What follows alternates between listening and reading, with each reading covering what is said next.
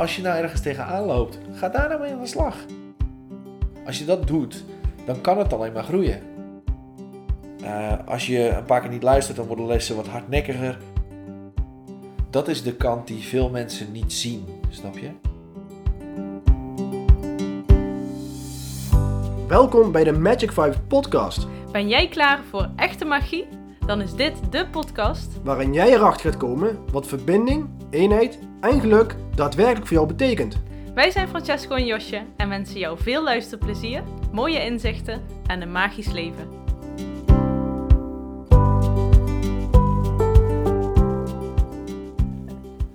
Ja, welkom allemaal bij deze hele, hele, hele bijzondere podcast. Ja, mensen, zoals beloofd hebben we weer een, een gastspreker bij ons. We zijn aangekomen bij aflevering 65 van de Magic 5 podcast. Ja, En eh, ik ga me eventjes eh, kort introduceren wie we hier eh, voor ons hebben zitten. ja eindelijk is het zover. Ja, We hebben hier wel heel lang op gewacht. ja we hebben hier naar uitgekeken. Hier voor ons zit namelijk Ryan Karoff. Hij is eigenaar van een bewustenaar, mede-eigenaar van Innerland. Hij is een shamaan, ondernemer in hart en nieren, vriend voor het leven. En wij kennen hem als iemand die voor ons door het vuur gaat wanneer dat nodig is, uiteraard. Dus deze podcast nummer 65 met als bijpassende titel Alle lof voor Ryan Karoff. Het is echt heel mooi. Ja, ik zie, jullie zien het niet, maar ik zie het gezicht van Ryan op dit moment. Ja, ik weet nog niet of ik al wat mag zeggen, zeg maar. Uiteraard, je mag zeggen wanneer je iets wil zeggen. Nou, ik vind vooral die jingle heel origineel. Mhm, En ik ben heel blij dat het niet podcast 66 is. Eh, Inderdaad. Podcast of the Devil. ja. Maar ehm, ja, Ryan, welkom.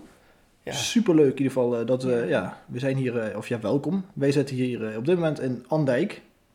Of all places. Jammer dat er geen video bij is, want dit is ook een fantastische studio wat we hier hebben neergezet. Echt heel mooi. Nou, ik heb het op Instagram gezet, hè. Oh ja, klopt. Ja, Ja. De huiskamer is even omgebouwd tot postka- podcast room. ja Mhm. precies. En ja, voordat we hier aan begonnen, er waren nog een aantal takes vooraf. Dat hebben jullie helaas niet meegekregen, maar Ryan, ja, als je die echt goed kent, weet je dat het niet altijd heel eh, erg serieus hoeft te gaan. Dus voordat we echt even serieus konden beginnen, duurde het wel even. Ja, we hebben wat liedjes gehoord. Ja, Mag het niet nu, tijdens? Ja, wat tuurlijk. Uiteraard, je, mag, je Eh, moet juist misschien heb ik helemaal, straks wel zin in. Helemaal Je jezelf zijn. Doen Ja. wat je, waar jij zin in hebt. En hoe laat is het nu?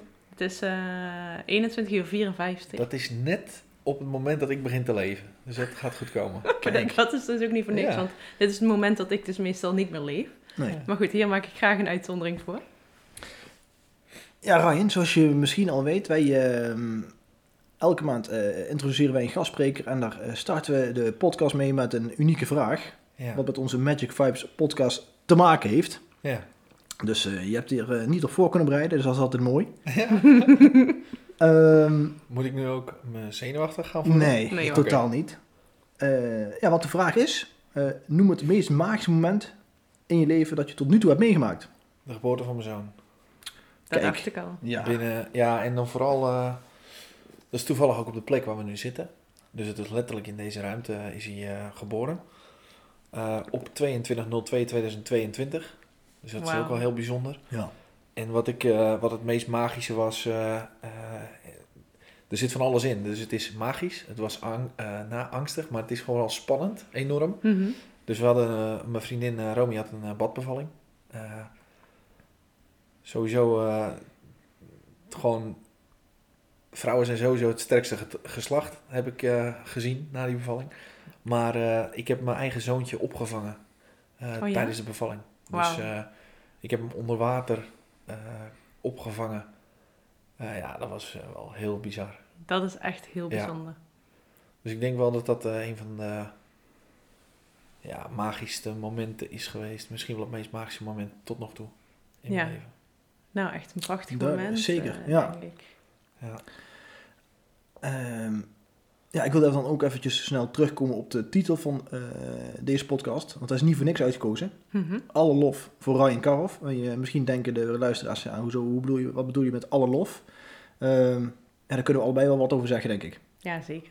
Ik, eh, la, ik geef het woord eerst aan jou. Oh, echt? Ja, Nou, dat vind ik leuk, want ik wilde ook wat zeggen. zeker. maar Francesco wilde ook heel graag beginnen. Dus ehm, jullie weten, ik heb al heel vaak ge- gezegd in een podcast dat ik dat mijn start eh, naar mezelf begonnen is met een hele goede vriend. En ik heb ook zijn naam al vaker genoemd, dus daarom ben ik zo blij en dankbaar dat hij nu hier bij ons aan, ja, aan tafel zit, aan de salontafel.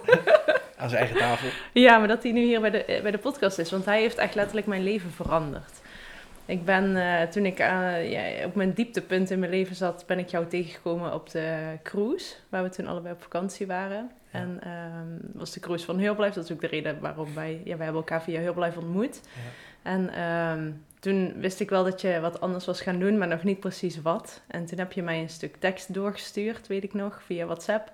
En toen ik dat las, dacht ik van ja, dit is wat ik nodig heb. Mhm. Toen ben ik naar je toe gegaan. Nou, het verhaal, eh, als mensen vaker onze podcast geluisterd hebben, dan weten ze het wel een beetje, want ik heb het vaker verteld. Maar dat is echt het moment geweest dat ik mezelf heb teruggevonden. En dankzij jou ben ik ook eh, die opleiding gaan doen, het Medicine Wheel.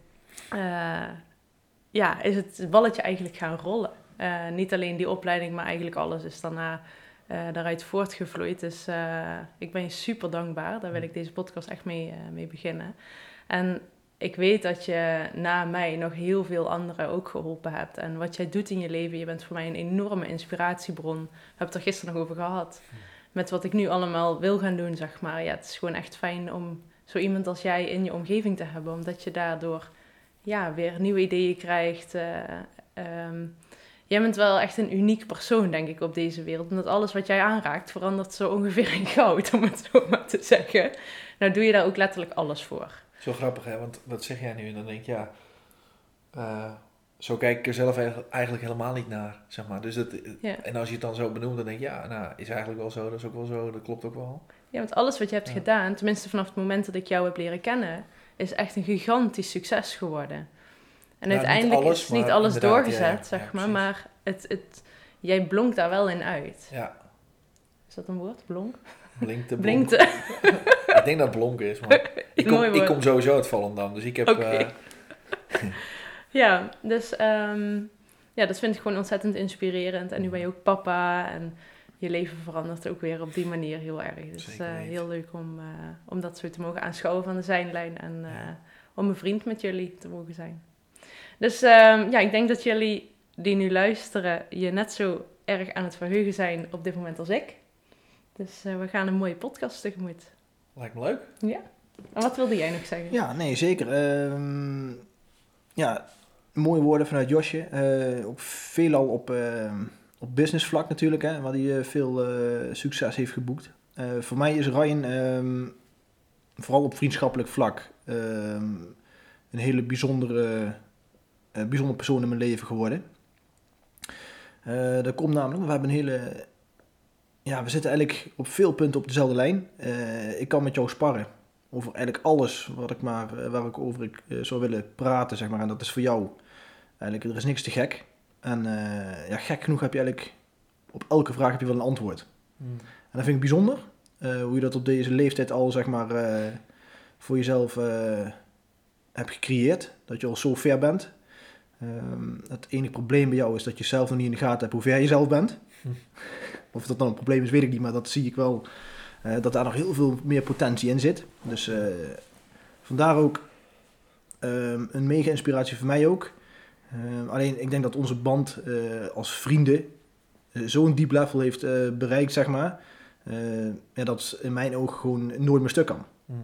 En dat is voor mij het meest waardevolle, zeg maar, wat ik bij jou kan krijgen. En dat, dat ik weet van, ik kan altijd bij je terecht, waar ik hier deze podcast ook mee begon. Mhm. En dat is voor mij het meest waardevolle wat er is.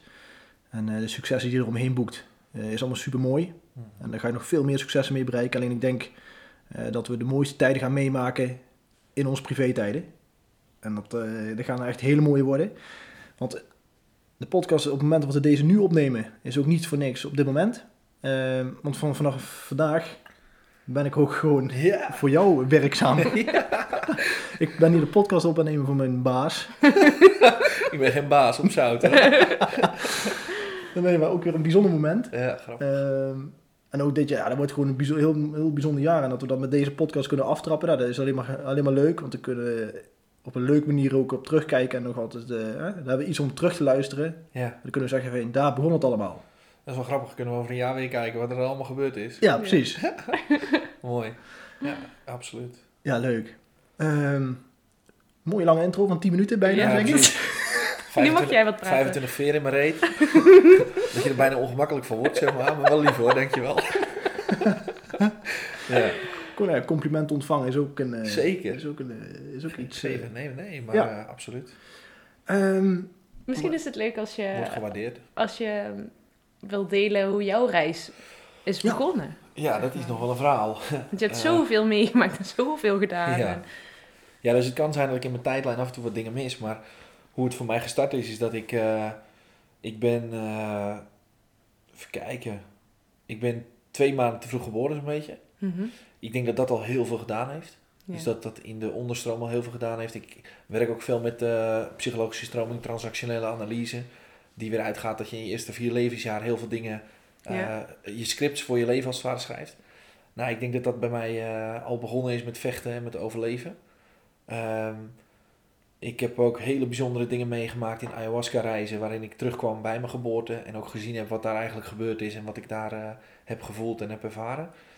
Uh, maar mijn bewuste reis begint een beetje toen ik een jaar of vijf was, voor mijn gevoel. Uh, uh, toen ik, ik kom uit Volendam. Volendam is het meest fantastische dorp van Nederland. Vind ik echt, oprecht. En ook de mensen, ik hou zielsveel van de mensen binnen Volendam, omdat het zijn allemaal hardwerkende mensen. Um, en tegelijkertijd is er ook veel uh, dat mensen van elkaar alles weten, et cetera. En dat er een soort hoge sociale druk ligt van, hé, hey, je moet wel presteren, je moet wel wat bereiken, et cetera. Maar ook wel van, doe maar gewoon, want dan doe je wel gek genoeg. En toen ik vijf was, toen uh, weet ik nog dat ik uh, met mijn eigen hoofd tegen de muur aansloeg in mijn slaapkamer. Omdat ik, nou het kan zes zijn, kan zeven zijn, ik bedoel met die leeftijd. Mm-hmm. Omdat ik mezelf anders voelde dan de rest. En ik had ook altijd van die gekke dingen dat ik uh, s'nachts buiten mijn lichaam zat. En dat ik gewoon niet meer helemaal erin kwam. Ik had heel veel geluk met mijn moeder. Mijn ja. moeder die, die kreeg mij als enige weer terug, als het ware. Ik weet ook nog dingen dat ik uh, het schoolbord zag op een kilometer afstand midden in de klas. Nou, dat is voor een kind is dat gewoon, voor mij was dat in ieder geval heel erg eng. Maar ik wilde het liefst hetzelfde zijn als de rest. En uh, ik voelde me toen al anders. En dat, was, dat heeft zich wel doorgezet in mijn vroege jeugd. Ik was vroeger super intelligent. Um, ik hoefde ook echt niet te leren of wat dan ook. Ik, ik voelde het gewoon, of ik zag het gewoon, ik snapte het gewoon. Ik weet dat ik de lerares soms wel eens in groep 5 al uh, dingen benoemde die ik niet kon weten. Dus dat waren allemaal van die gekke dingen. Ja. Achteraf is het misschien wel helemaal niet gek, want ik was gewoon lekker uh, geconnect. En um, ja, toen ben ik, toen ik 12 was, ben ik naar het Werenfriedjes gegaan. Dat uh, betekent naar Horen, als een van de weinige Volendammers. Want de school in Volendam, Don Bosco College, daar kon je ook gewoon heen. En toen ging ik tweetalig onderwijs doen, omdat ik gewoon ja, super goede cijfers haalde. En eigenlijk totaal niet gelukkig. Uh, binnen een jaar ook uh, teruggehaald door mijn moeder, omdat ik niet meer kon voetballen met mijn vrienden. En mm. dat ik om zes uur wegging, zes uur thuis kwam. Echt zo'n jongetje met een tas. Yeah. En nou ja, Don Bosco kwam ik er ineens achter dat een 1 of een 2 ook uh, stoer was. Dus dat het leuker was dan een 10 halen. um, hele leuke tijd gehad. En toen kwam eigenlijk fast forward. Uh, in die tussentijd heb ik wel dingen meegemaakt, natuurlijk iedereen. Maar toen kwam het moment dat mijn oom uh, zelfmoord heeft gepleegd. Mm-hmm. Dus ik was 16 toen ik uh, thuis kwam van de zaalvoetbal en op de vliering op mijn kamer zat. Dat kreeg ik via MSN, kreeg ik te horen via een vriend van mij van uh, Ryan, jouw oom heeft zelfmoord gepleegd. Zo. En mijn ouders zaten beneden, mijn moeder zat ook beneden, dat is de, de, de zus van mijn oom. En ik voelde meteen van, nou, dit is echt niet goed. Dus ik, heb, ik ben naar beneden gegaan, ik weet niet meer hoe. Uh, tenminste, ik wist niet meer hoe. Ik weet nu weer hoe. Ik heb dat weer opnieuw ervaren als het ware in zielsreizen en in uh, ceremonies of sessies. Toen heb ik het aan mijn ouders verteld en daar is wel heel veel gebeurd. Ehm, wat ik gezien heb, wat ik gevoeld heb, maar vooral ook dat ik echt zelf zoiets had van, weet je, waar slaat dit op? Waar slaat het op dat ik wiskunde leer en, en dat ik naar school moet? En wat, wat, wat, wat, wat is dit? Waar, waarom doen mensen dit? Wat maakt dat ik uh, nutteloze dingen moet leren? Waarom kan ik niet leren hoe mensen werken? Waarom had ik hem niet kunnen helpen? Waarom waren er geen mensen die dit hebben kunnen zien, weet je? Uh, toen ben ik, heb ik toch mijn ateneum afgemaakt. Ja. Yeah. ik heb toen besloten om in de vis te gaan werken. dus gewoon vis verkopen op de Appelkuitmarkt. En toen kwam ik er al snel achter voor mezelf. Ja, weet je, dit is het ook niet. Ik wilde eigenlijk gewoon niet meer leren. En toen kwam ik erachter dat er een studie bestond die psychologie heet. Mm-hmm. En dat wist ik dus echt niet. En ehm, zo mooi, want eh, ik startte daarmee en eh, het eerste jaar is fantastisch, het tweede jaar wat minder fantastisch, het derde jaar alweer wat minder fantastisch. En toen had ik echt zoiets van, dit is het ook niet. Niet wetende wat ik nu weet, dat ik eigenlijk toen al bezig was met alles, alle kennis en ervaring proberen op te doen om mensen die in zo'n benauwde situatie zitten te kunnen helpen. Ja. Stiekem ook te kunnen redden. Dus eigenlijk was ik bezig om mijn oom te redden zonder dat ik door had dat ik daarmee bezig was. Mhm. Toen heb ik, toen ik 18 was, ook tegelijkertijd een alternatief geneeswijzestudie gedaan. Nou, dan zit je met eh, mensen, voornamelijk vrouwen van de jaren 50, 60 plus. Ehm, en dan ben je een knaap van eh, 18 en dan doe je een of andere spirituele opleiding met chakra's en met meridianen en welke psychosomatische oorzaken liggen achter klachten in het lichaam.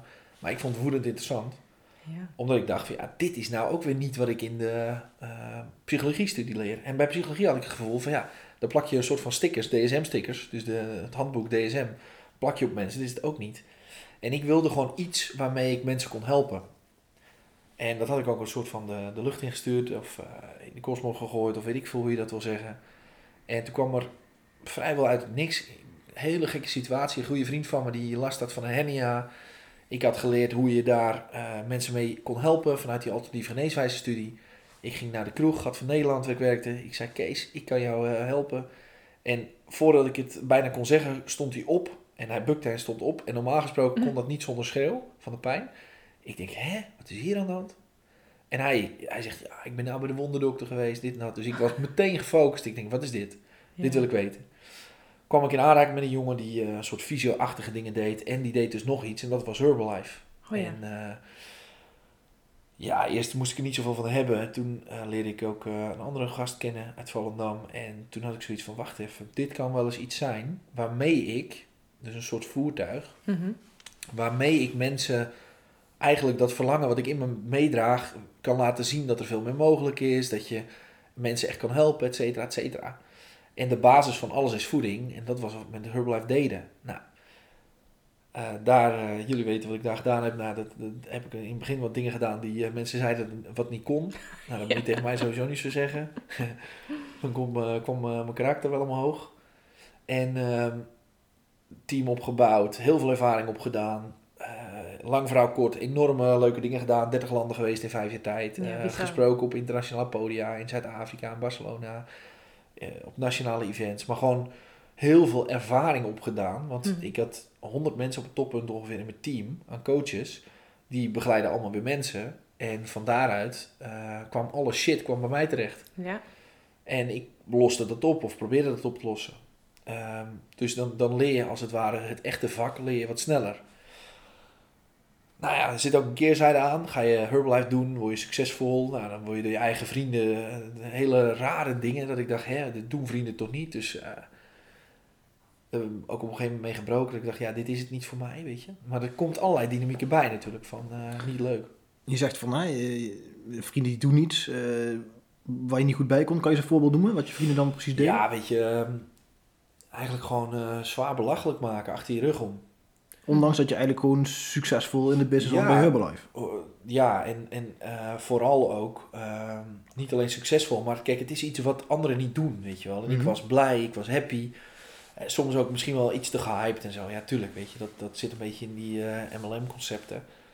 Maar ik was er ook goed in. En dan hoop je dat, dat ook je vrienden dat leuk vinden. En vervolgens, een van mijn betere vrienden toen, die, die zelf bij wijze van spreken uitgemaakt werd, of van gezegd werd dat hij eh, op jongens viel. En daar helemaal kapot van was. En daar hu- huilend bij mij op de stoep stond.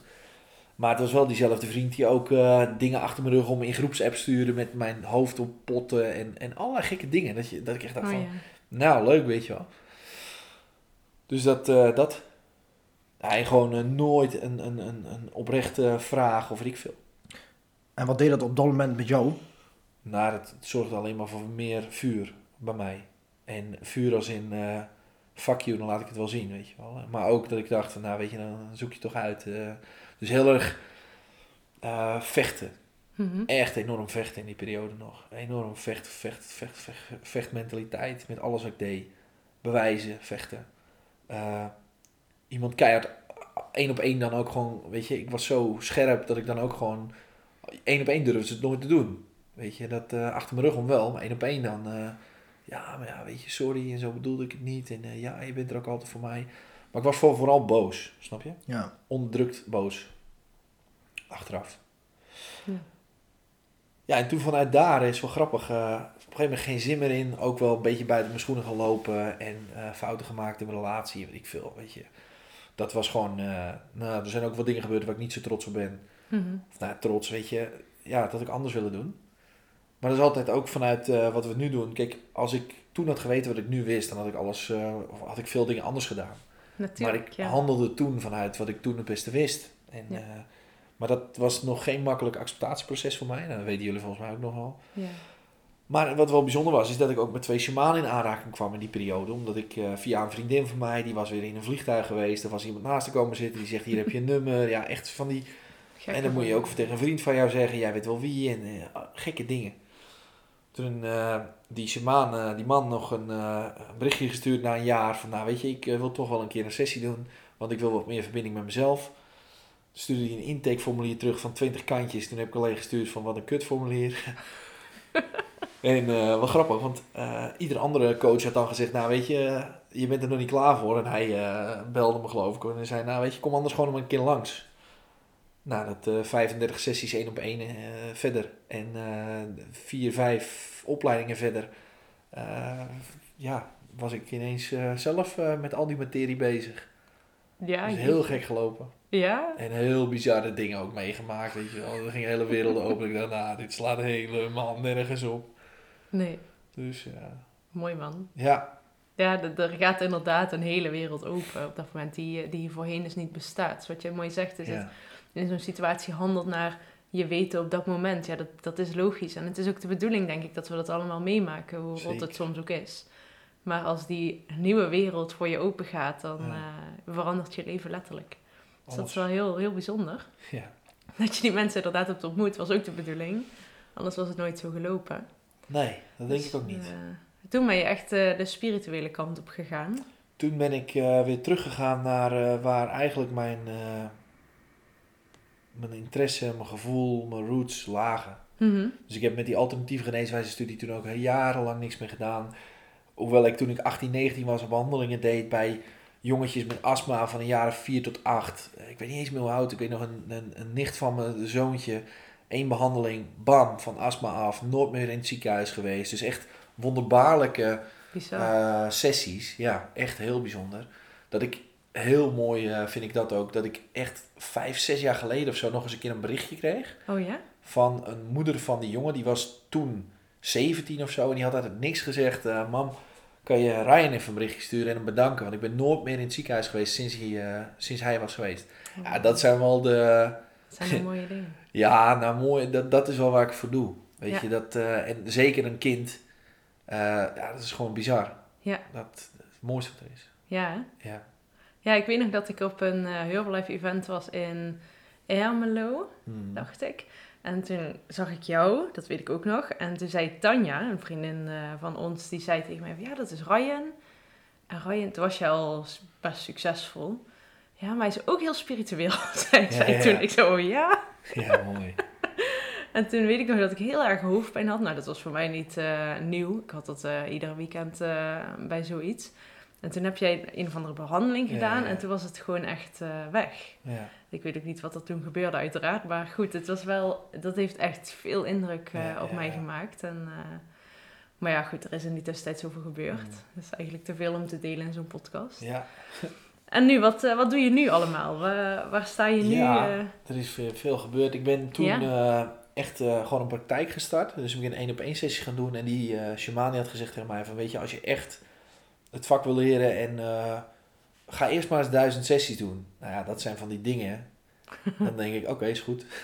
ja, Dus toen heb ik, eh, nou, ik heb die duizend sessies inmiddels al wel dik eh, lang en breed gehaald. Maar gewoon achterlijk veel sessies gedaan, weet je wel. Ook omdat ik het super tof vond Mhm. om mensen te helpen. Maar op een gegeven moment 20 sessies in 8 dagen. En de sessie duurde dan 2,5, 3 uur. Soms zelfs 4 uur.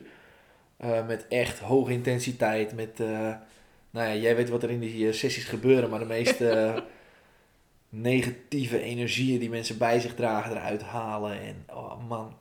Maar daar heb ik ook wel weer heel veel van geleerd. En uh, van daaruit uh, ben ik in contact gekomen met... Uh, er is eerst nog een fiasco geweest met een van een bel, belding met van die energiebellen en zo. Nou, drama. Dus dan zie je ook wel weer dat je moet niet iets doen wat niet je hart heeft. Want dan, Mhm. tenminste ik in ieder geval niet. Dan word je keihard teruggepakt. Dus het heeft al een paar jaar van mijn leven gekost en een paar duizend euro's. Misschien wel tienduizend euro's. Misschien wel meer. En ehm, toen kwam ineens eh, kwam, eh, mijn huidige compagnon Tom, die kwam eh, in de lucht.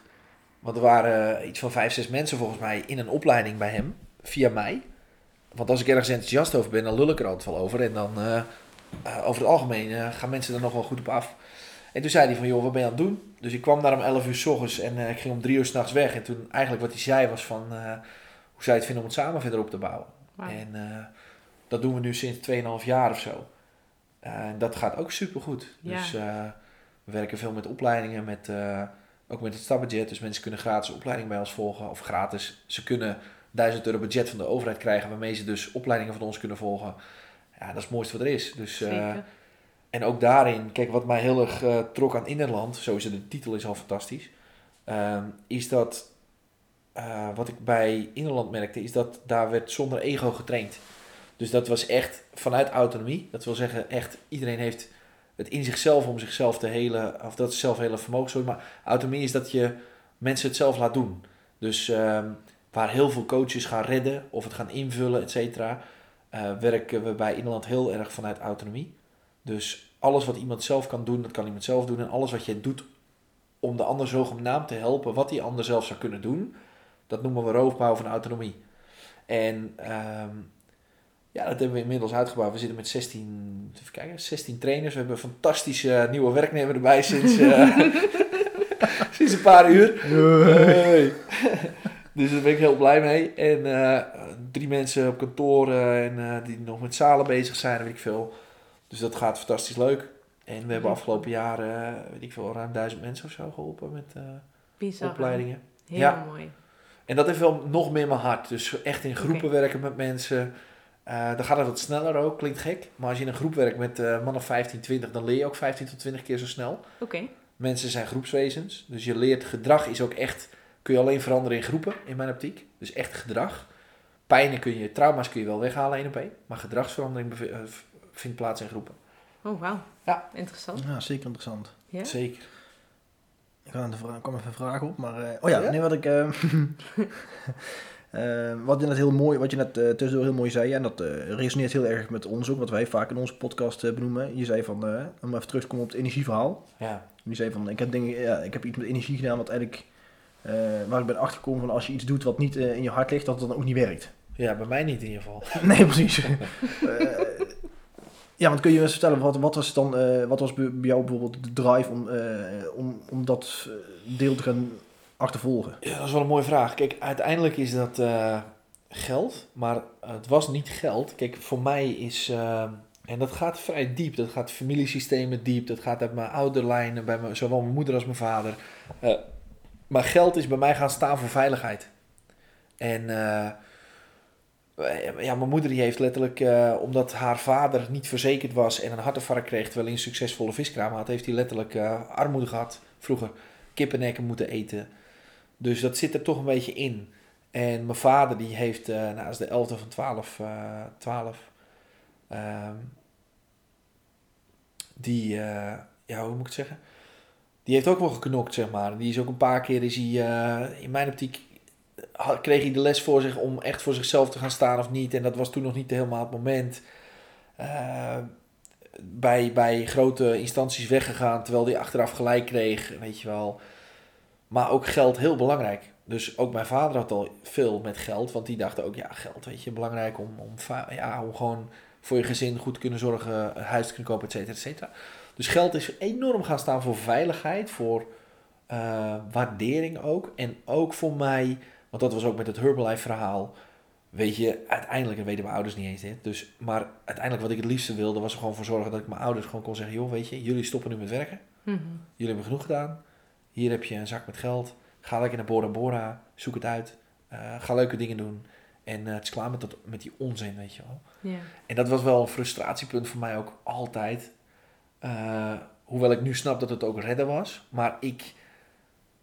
ik weet dat ik die potentie heb om gewoon gigantisch veel geld te kunnen maken, zeg maar, eh, op een goede manier. Dus echt door mensen te helpen, et cetera. Maar dat kwam me dan elke keer net niet uit. Weet je, alsof ik mezelf ook weer saboteerde. Dus met Herbalife ook verdien ik 10, 12, 13.000 euro in de maand. Als ik nog even door was gegaan, dan was dat 40, 50, 60 of een ton misschien wel. En ik zat ook net op dat breekpunt en toen klapte alles weer in elkaar. En dat is ook wel een patroon wat eh, in mijn leven vaker is teruggekeerd. Dus eh, met bitcoin of zo, een paar ton verdiend en bam, en het was weer weg. En, dus van die gekke dingen met geld. En ook met die energiemaatschappij, was- of energiebellen en zo. Ja, dat leek natuurlijk het walhalla van, nou weet je, hier kan je echt dik geld mee verdienen. Dat je daar mensen voor oplegt, nou weet je, dat moet je anders zien. Anders zou iemand anders het doen. Dus ja, dat is echt onzin. Maar, eh, of oplicht, ik maak het nu wat zwaarder, maar het is natuurlijk geen positieve energie. Nee, Ik dus je ziet, eh, nu zie je het achteraf, zeg maar, dat het, eh, dat het, het universum heeft ingegrepen zeg maar, om jou signalen te geven van, hey, eh, Ryan, er is genoeg geld te verdienen. Alleen, eh, het werkt alleen op de manier als je iets doet vanuit je hart. Ja. Nou, het was voor mij gewoon, wat het het meest heeft geleerd, is eerlijkheid.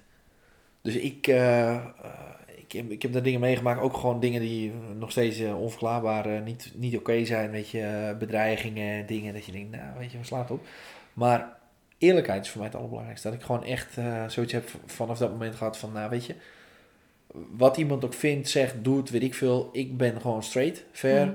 Ehm, als iets ook niet klopt voor mij, doe ik het niet. En eh, Mooi wel. dat is het. Ja, En daar, mooie eh, en, ontwikkeling. ja, en wat wel bijzonder is, is dat hoe snel het elkaar opvolgde. Dus ook dat, dat Inland, toen ik dat besluit had genomen, dat Ja. Inland kwam. En dat het, nou weet je, weet ik veel, we zijn een keer, keer 4, 5 gegaan in de tijd van 2, 2,5 jaar. Ja. Met de hele club. En eh, zeker ook samen door, met mijn compagnons. Maar ik weet ook wel dat ik daar zelf een, een, een, een, aandeel in heb. Dat ik weet van, van mezelf, als ik iets heb waar ik 100% achter sta, dan eh, komt er een soort eh, vliegwiel of eh, ja. kernbom of ik weet niet precies hoe je het moet zeggen, maar dan oké, is goed, gaan we, boom. ja, bizar hoor. Want het is bij alles zo gegaan. Bij Herbalife was dat zo. Ja, Bij het Medicine Wheel, Ja. dat, dat die opleiding, daar zat jij in. En toen ben ik met jou eigenlijk mee gestroomd, als ja, het ware. De, en die opleiding zat ook eh, volgens mij redelijk vol dankzij jou. ja. Toen, Dat is- ja, daar eh, heb ik ook wel aardig wat mensen naartoe gestuurd, klopt. En toen kwam natuurlijk Inland. Dus, eh, Ja, ja, echt wel grappig om dat zo te zien. ja, en ook, Dat- eh, maar ik weet ook niet hoe dat komt, hè. Eh, niet, niet bewust, zeg maar, dus het is echt een onbewust talent, maar ook heel veel vrienden van ons die die opleiding hebben gedaan, die het niet echt goed voor elkaar kregen om een succesvolle praktijk neer te zetten, Mhm. dat begreep ik dan ook niet, weet je. Dus dan Ja. eh, heb ik veel mensen daar naartoe gestuurd en heb ik ze ook geholpen om dat weer beter op te zetten, et cetera. Dus Ja. ik, ik, ik vond wel leuk wat jij net zei, eh, Frances, want daar moest ik ook over nadenken. Maar ik, dat is ook zo. Ik heb altijd wel een idee, of eh, dat gaat heel snel in mijn hoofd ook. eh, maar ik denk dat het ook vanuit mijn hart komt, richting mijn hoofd. Oh, weet je, moet je gewoon zo en zo en zo doen. Moet je dit aanpakken, dat aanpakken. En ook de ervaring in Herbalife. Kijk, als je hebt geleerd hoe je op straat kan lopen, mensen aan kan spreken en dat je van daaruit mensen naar binnen haalt om een fitcheck te doen of om weet ik veel wat te doen en vervolgens daar eh, een klant van te maken. Ja, weet je, dat is wel, daar ligt wel een basis. Klopt, daar ben ik het Ja, mee eens. 100%. Ja, 100%. Ik- dat ja. echt, eh, Wij hebben allebei dan ook, hè. Josje heeft heel lange, vele jaren ervaring binnen de Herbalife. Ik heb zelf een, eh, een paar jaar ervaring binnen Herbalife, maar daar merkte ik van. ehm, dat was echt een. Als je, als je dat voor elkaar kreeg, hè, mensen gewoon op straat aanspreken, hè, want je moet nog wel wat drempels over. ja, Ten Ja. eerste moet je hè, zelfzekerheid om überhaupt de vraag te stellen. ja, Dan komt er nog in je hoofd dat je ego die gaat meedenken van, oh, eh, ik kan uh, faalangst. Hè? Als iemand je Ja, gewoon ja, eh, in je gezicht eh, de, iets eh, zegt van, wat, ja, wat is een domme vraag wat ben je aan het doen? Dat speelt allemaal mee, Ja. mij tenminste. Eh, dus ik vond het een heel ongemakkelijke situatie. ja, En dat vond ik, dat vind ik dan achteraf heel bijzonder, want achteraf zie, zien we nu eigenlijk, hè, Herbalife was niet jouw hart, het lag niet in je hart eigenlijk, het was gewoon een businessmodel voor jou. ja. Maar ondanks dat, Maar het lag wel in mijn hart, alleen de producten was niet hetgene wat ik verkocht. Dus wat ik gedaan Nee, ja, heb, waardoor het ja. succesvol werd, is dat ik een concept eromheen heb gebouwd. Waarbij Herbalife een betaalmiddel werd. En waarmee mensen eigenlijk gewoon voor coaching. Ik had voeding, mindset, eh, voeding, mindset en gedrag. Dus voed, sorry, voeding, beweging en gedrag. En gedrag, dus 80% voeding, 20% beweging, 100% eh, gedrag e- en mindset. Die, die pijlers heb ik gecombineerd, maar eigenlijk ook gewoon vanuit dingen die ik zag, et cetera. Ehm, en ik had met dat andere ding, en dat werkte als een jekko, weet je wel. Dus Ja. mensen die hadden gewoon zoiets, oké, dit is een totaalconcept. Want ik had toen al vrij snel door, afvallen bij mensen ligt hem helemaal niet in minder of meer eten. Het ligt hem in een psychologisch stuk. Dus, Mhm. eh, En dat is alleen maar afvallen. Ja, en voor de rest is gewoon calorieën tellen eh, vaak en, en, en met aankomen, et cetera. Je moet gewoon even kijken, wat doet iemand? Hoe kun je dat veranderen? Wat is het patroon? Hoe kun je dat patroon in interruptie toepassen? Maar wat ik nog het de grappigste vind, want dat zeg je net over die... eh, over op straat en zo. Ik had gewoon mazzel. Want ik had een grote bek. En dan had ik 20 mensen in mijn team. En dan zei ik van, eh, nou, moeten we naar buiten? Eh, moeten we even mensen aanspreken? Doen we gewoon, toch? Nou, dan, mijn hart die plofte bijna van de spanning. Maar lekker dat je dit zegt, Ja, joh. natuurlijk. Ik ontplofte, weet je wel. Maar dit heb ik het altijd gedaan, weet je. Grote bek. Ehm, of tenminste als in, nou, weet je, ga ik wel doen. En dan vond ik het rete eng of spannend. Maar ik deed het gewoon. En omdat ik dan ook een soort van mezelf zo neerzet van, nou, ik heb 20 mensen nu achter me staan. Ik kan het niet maken om het nu niet Dat goed te doen, weet je wel. En verdomd, dan lukte het ook nog. Dus dan sprak ik twee, drie mensen aan. En dan gingen er twee die kwamen op afspraak. Dus mijn team, die ja, dit slaat helemaal nergens op. Ik zei, eh, en dan net alsof er niks aan de hand is. Hè? Dan gewoon van, dat zei ik toch, dan... eh, je moet gewoon mensen aanspreken, niks aan de hand. En gieren van de lach van binnen, weet je wel. Zo van, oké, dit was weer een mazzeltje. Maar de lol is wel, daardoor, dat is ook een, een winnend script of een winnende strategie die ik heb toegepast. Altijd in alles wat ik heb gedaan. Een beetje Pippi Langkous. Ja, als, ik, ik heb het nog gedaan, dus ik, ik denk dat ik het wel kan. Met overtuiging, maar dat werkt. Dus voor Ja. mij werkt dat enorm. Ja, ja, maar ik denk niet alleen... eh, want het, het, het verschil wat jij maakte... Och, Pas op, pas op. Ja, oh, we zeiden tegen Ryan niet die je microfoon aanraken. Ah joh, dat komt hem al- allemaal goed. Ik heb hem al zien verplaatsen, dat ding, jongen, niet normaal. Maar in ieder geval dit punt... Ryan moet niks. En Ryan houdt zich nooit aan regels. Nee, dat is ook waar. Dat weten wij. Maar dat is juist denk ik ook heel de clue. Maar ook wat jij eh, nu zegt, hè, van... ehm, eh, ik deed ook al ondanks hè, dat je hart zo heen en weer gaan, het, uiteindelijk het doen, hè, de actie ondernemen, dat is waar het vaak fout gaat bij mensen, doordat de angst toch overheerst.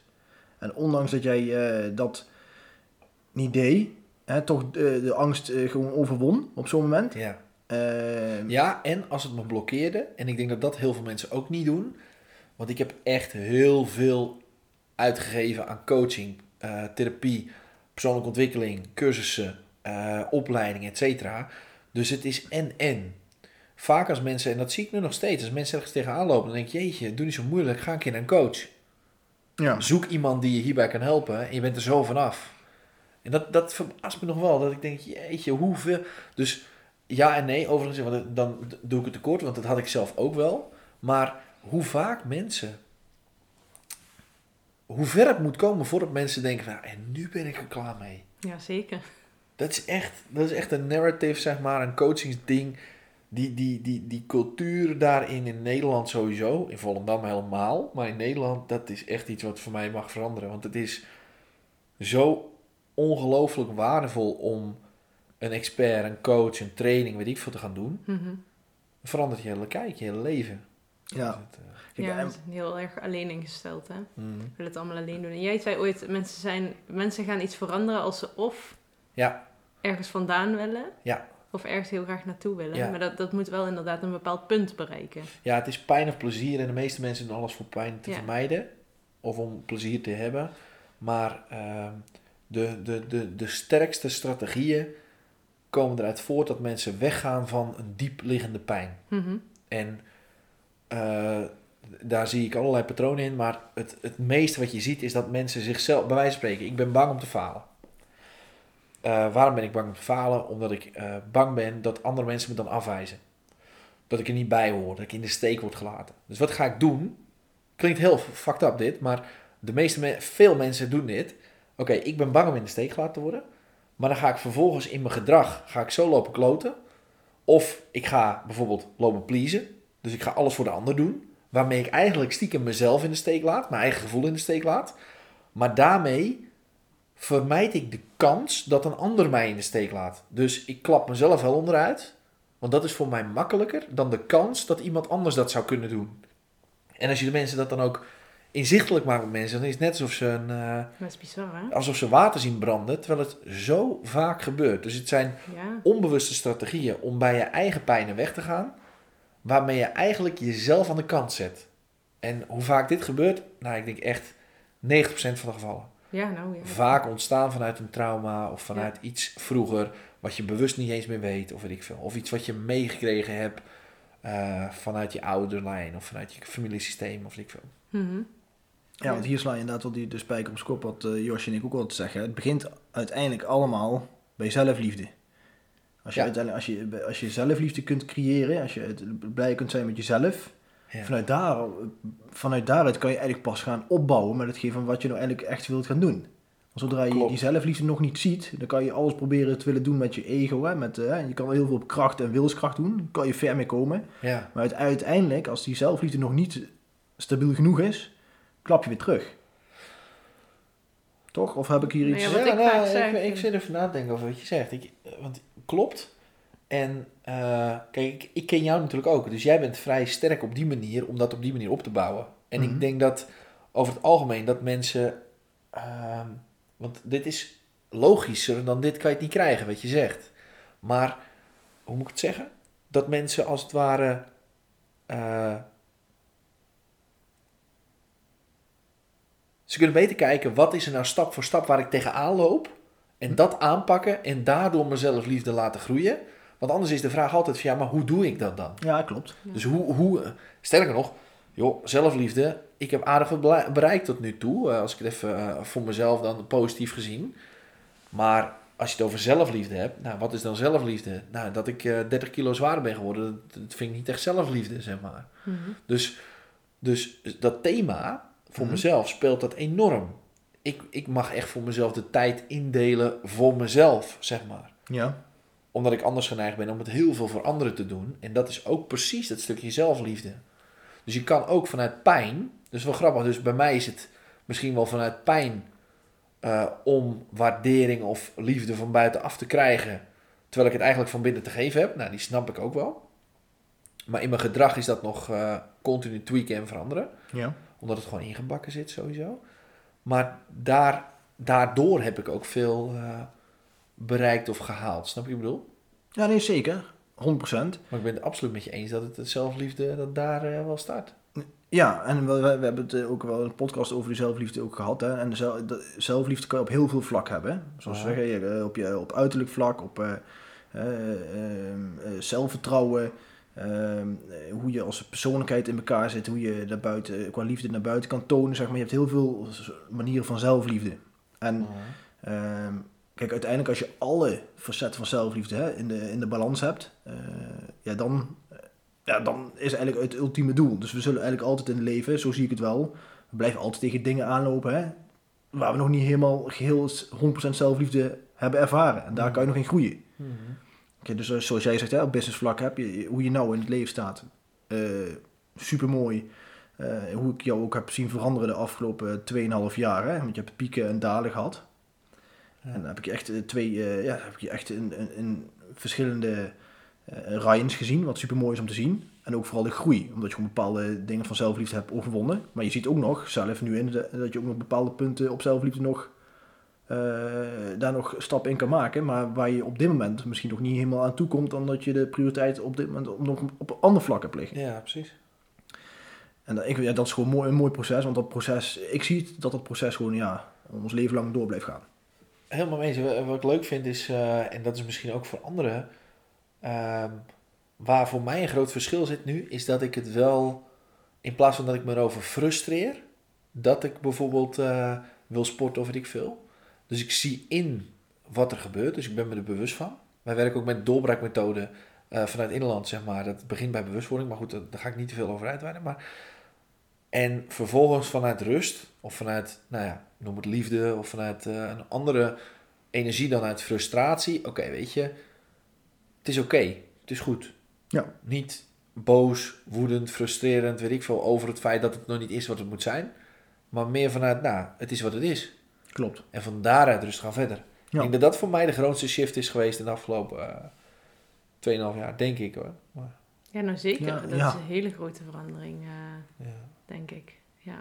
Mooi inzicht. Je sluit heel mooi aan bij onze vorige gastspreker was mijn vader natuurlijk. Ah, Tom. Tom. En die had het over de natuur. Dat is ook Tom. Ja, en als je daaraan overgeeft, hetzelfde als je... Ja, je zei altijd, de eerste stap naar verandering is inzicht creëren. Aha. En toen ging het over mijn financiële situatie. Ja, maar goed, ja, bij jezelf is het natuurlijk hetzelfde. Ja. Dat is bij dit ook zo. Als jij ehm, gaat accepteren hoe het nu is en je daaraan overgeeft, dan kun je verder, denk ik. In plaats van als je je frustreert. eh, ik heb ook altijd geleerd dat als je je frustreert ergens over, dat je dan de energiestroom eigenlijk blokkeert. Dus dat er dan niks gebeurt, maar het lekker vast wordt gezet. Ja. En ik had net ook nog iets bedacht, maar ik weet even niet meer. Oh ja, wat ik altijd eh, vertel, want ik help ook mensen natuurlijk eh, door middel van de opleiding ook. En Ja. ehm, natuurlijk niet zo intensief als jij dat doet, maar ik leg het altijd zo uit dat eh, voordat jij die zelfliefde kunt gaan voelen, moet je eigenlijk eerst gaan snappen wat er allemaal omheen is gebouwd. Dus ik had zelf allemaal een soort van laagjes om mezelf heen gebouwd. Van dat ik eh, angstig was, eh, verdriet, heel veel verdriet, eh, boos, ook wel ergens. dat heb ik nog steeds niet echt kunnen vinden. Nee, ik ben een boer. Maar ehm, ook de kern was, was uiteindelijk niet goed genoeg. Ja. En ehm, ik had het zo geregeld in mijn hoofd en in mijn hart dat ik nooit naar die pijn toe ging. Ja. En wij zijn dat eigenlijk samen af gaan pellen als het ware. We zijn Ja. naar die pijn wel toegegaan, stap voor stap. Ja. En uiteindelijk merkte ik dus in die sessies die ik met jou eh, deed en tijdens de opleiding, dat ik daar echt voelde wie ik in essentie was. Ja. En dat gevoel is magisch. Dat kun je Mhm. gewoon niet uitleggen aan iemand. Maar daarvoor moet je wel door die, die trauma's of pijnen, daar, daar moet je doorheen. Dat moet je doorleven en voelen. En dan kun je het loslaten. Ehm, maar dat sluit denk ik mooi aan bij het stuk over zelfliefde. Voordat je die zelfliefde, tenminste voor mij is dat echt zo geweest. Voordat ik dat kon voelen. Ja, ik kon Ja, het wel klopt. creëren in mijn hoofd. maar dat was echt geen zelfliefde wat ik toen, eh, wat ik toen wilde hebben. Dus ik moest eerst eh, echt met mezelf aan de slag en die reis naar binnen Hm. gaan beginnen. En toen uiteindelijk, ja, op momenten voelde ik dat nadat ik zo'n sessie had gehad. Ja. En uiteindelijk eh, kwam ik daar steeds dichterbij. En toen kon ik ook echt voelen wie ik was en wat ik wilde. Maar da- daarvoor kon ik dat niet. Nee. Ja, ik, ik, ik ben het wel met je eens. En waarom? Omdat eh, eh, ik heb bij wijze van spreken, eh, pff, wat zal het zijn? Vijf weken terug, vier weken terug, drie weken terug, heb ik nog een keer een sessie gehad waarin er toen nog steeds een deel voor mij helder werd. eh, en dat was trouwens een zielsreis samen met, eh, samen met Romy, waarin ik letterlijk mijn oom ook weer, eh, ja, waarin mijn oma als het ware weer bij mij kwam. En eh, waarin ik toen pas besefte hoeveel ik heb afgesloten in, die, in dat moment van trauma. Dus eh, ik ben enorm op zoek geweest, nu nog steeds, maar op een veel relaxter manier. Ik laat het meer op me afkomen. Maar op het moment van trauma, of als je trauma meemaakt, vanuit shamanenkant zeggen we dan ook, op het moment dat je een trauma meemaakt, dan laat je als het ware een zielsdeel, een deel van je ziel, een, een, een, je kunt dat zien als een soort taart met twaalf punten. Alsof je een deel van jou eh, loslaat. Dat gaat naar een veilige plek over het algemeen. Ehm, dat wordt ook bewaakt door spirit, ehm, door de keepers. En om door zo'n traumamoment heen te kunnen komen, trek je dan vaak onbewust een sterkere energie. Zo, nou ja, vaak ook een wat negatievere energie, trek je aan. Mhm. Negatieve energie plakt graag op boosheid, frustratie, woede. eh, Al die... Weet je, dat soort lekkere energie. En eh, dat helpt je dan om door zo'n moment heen te komen. Maar vervolgens is het ook zo dat op het moment dat je door dat moment heen bent, blijft dat wel bij je. En dan heb je eerst die pijn in te gaan, als het ware, of eh, los te laten, als het ware. Met name via ademhalingstechniek is dat. Mhm. Uh, vanuit shamanenkant is dat dan met een illumination techniek of weet ik veel. Nou, ja, long story short. Als je dat dan weer loslaat, ontstaat er weer ruimte. En dan kun je dat deel van jezelf weer terughalen. Ja. Dus eh, ik ben er voor mij, ik, maar ik denk ook dat het wel kan. Maar zoals jij dat zegt, Frances, dat, eh, dat je van binnenuit die zelfliefde opbouwt, zeg maar. Maar ik denk dat het oprecht voor weinig mensen weggelegd is dat, om het echt op die manier te doen. Snap je wat ik bedoel? Ja, en dat, ja, en dat is misschien dus ook, dat is voor mij eh, de blinde vlek, of de, de, misschien de valkuil. Eh, zoals jij net ook eh, zei over bijvoorbeeld, hè, je zei over de business bij je vrienden. Dat je zei Ja. van ja, ik snap niet, hoe kan het nou dat jij dat niet voor elkaar krijgt? Want voor mij is het heel makkelijk om die business op te zetten. Dus hoe kan het dat het bij jou niet werkt? Ja. Heb ik bijvoorbeeld ook hetzelfde op dit vlak bijvoorbeeld. Dat ik soms ook denk van, hè, maar voor mij is het misschien hè, meer een tweede natuur, dit vlak. Dat ik het op die manier bekijk. Ja, precies. En dat ik dan denk van, oh, wat raar dat jij dat niet kan. Want als ik het Ja. kan, dan moet jij, het- zou jij het ook moeten kunnen. Ja, En dat is voor mij ook inderdaad een, eh, een mooi inzicht. ja. Eh, omdat ik het inderdaad, hè, eh, ik heb zelf ook wel wat eh, opleidingen en dergelijke gevolgd. Wel een stuk minder dan jij gedaan hebt. Nou, weet ik niet. Maar ja, ja. Maar ik... Wat, Ook wat, wel bij Innerland, hè? Dat is wel grappig. Ja, Ja, ja. Via mij was het Ja. ook. Dat zei hij alles is via Ryan. Ja. Nee, maar ik doe het bijvoorbeeld, ik haal bijvoorbeeld heel veel uit boeken. Ja. Daaruit, ik, wat voor mij supergoed werkt. Wat bijvoorbeeld eh, heel het grappige is, wat jullie heel veel op elkaar lijken, hè, en over jullie is dan Josje en Ryan. Met lezen hebben jullie niet zoveel. Nou, ik op zich wel. Ik heb er alleen tijd niet voor. Ja, ik heb dat Want ik heb die boekenkast waar jullie Ik slapen. heb ook hè? geen tijd. Ik Goede boekenkast trouwens. Zo. Ik heb net even naar zitten kijken, ook in die boekenkast. Waar Ryan waarschijnlijk drie boeken van gelezen heeft. Nee, maar, eh, eikel. Nee, die heb ik wel eh, aardig rond hoor. nee, maar in ieder geval wat ik wilde zeggen, hè, dat, ik, ehm, dat ik daar een blinde vlek voor mezelf heb. Ja. Eh, dat is wel inderdaad, eh, dat heb ik nodig dat mensen dat van de buitenaf, eh, dat ik daar, eh, ja. Je valkuil is je kracht, hè? Ja dat, is, ja, dat is ook een hele mooie. Het is je valkuil en je kracht, sorry. Dus dat is bij mij hetzelfde. Dat is bij mij bij dat wat jullie zeggen, dat business opzet of ergens in geloven en zo. Ja, weet je. Er is geen cel in mijn lijf die niet denkt van, nou weet je, als mensen bij mij komen, dan eh, weet ik één ding zeker, dan komen ze verder. Ja, dat, vond ik, dat zei je Ja. gisteren, vond ik zo mooi. Want We hadden het over wat ik dan nu eh, wil gaan doen. En eh, ja, toen gaf je daar een opmerking over. Wat je gaat doen, bedoel je? Ja, wat, ja wat, ik, oh, wat zei ik het anders? Ja. Zie je dat? Dat doet Ryan heel fijn. Wat er gaat gebeuren wat je niet meer tegen kan houden, bedoel je? Ja. Ja. Ja. Zie je? Dit is Ja, dat is die overtuiging. Dat want is hij, grappig. ja, maar dat is inderdaad wel die, eh, dat verlangen, die overtuiging. Als je die hebt, dan, ja, dan kan het bijna niet meer misgaan. Nee. En dat is iets waar jij nog eh, zoekende bent. Ja, maar Ja. Ik vind dat echt mooi, hè? Oké, dus je hebt, je hebt een fucking goed idee. Mhm, Ja? Er zijn zoveel mensen die daar behoefte aan hebben. mhm. Dat is er in mijn optiek, in ieder geval, ik ken het niet.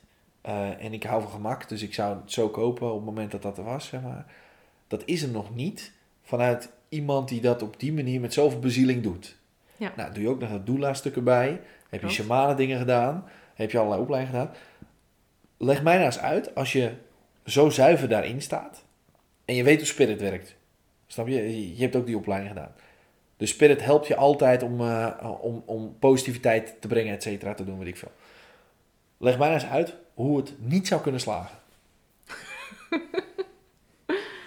Ehm, dat is een goede vraag. Ja, dat klopt. Dat zeggen mensen vaker in mijn werk. Maar, Ja. nee, maar oprecht. Dus hoe kan het niet slagen? De enige die het niet kan laten slagen, is, ben je dan in mijn optiek zelf door er niet mee door te gaan. Dat is het enige. Klopt. Voor de rest is dit echt iets, eh, en dat heb ik bij jou in ieder geval nog nooit eerder op zo'n manier gehad, dat ik denk, ja, weet je, dit, dit klopt wel. Dus, eh, Maar ja, dan ja, ga ik even weer een kritische vraag stellen natuurlijk. ja. Want we hadden het net hier eh, een paar minuten geleden over bij mij. Zeg maar, dat je zegt van ja, voor jou is het misschien heel makkelijk. Wat Ja. je tegen mij zei. Ja. Dus stel dat Josh nou zegt, ja, Ryan, voor jou kan het misschien heel makkelijk zijn dat je zegt van ja, er wordt gewoon een, een, een, eh, die- die ehm, een moms, eh, moms en, wat, eh, Moms in Power Membership. ja, moms en power, power membership, dat wordt een, dat wordt een succes. Dat is voor jou één op één. Dat is het gewoon. Nou, Alleen- nee, maar ja, maar wacht, dan leg ik het misschien niet goed uit. En sorry dat ik je interrupeer, maar kijk, ik probeer eigenlijk de andere kant te belichten. Dus waar Josje dan soms misschien be- beperkende overtuigingen in de onderbewuste heeft, Ja. leg ik gewoon iets neer wat zo logisch is dat het, het tafeltje van die beperkende overtuigingen meteen omklapt. Omklapt. Ja, nee, dat is een hele goede. Ja, en, en, ja, dat is.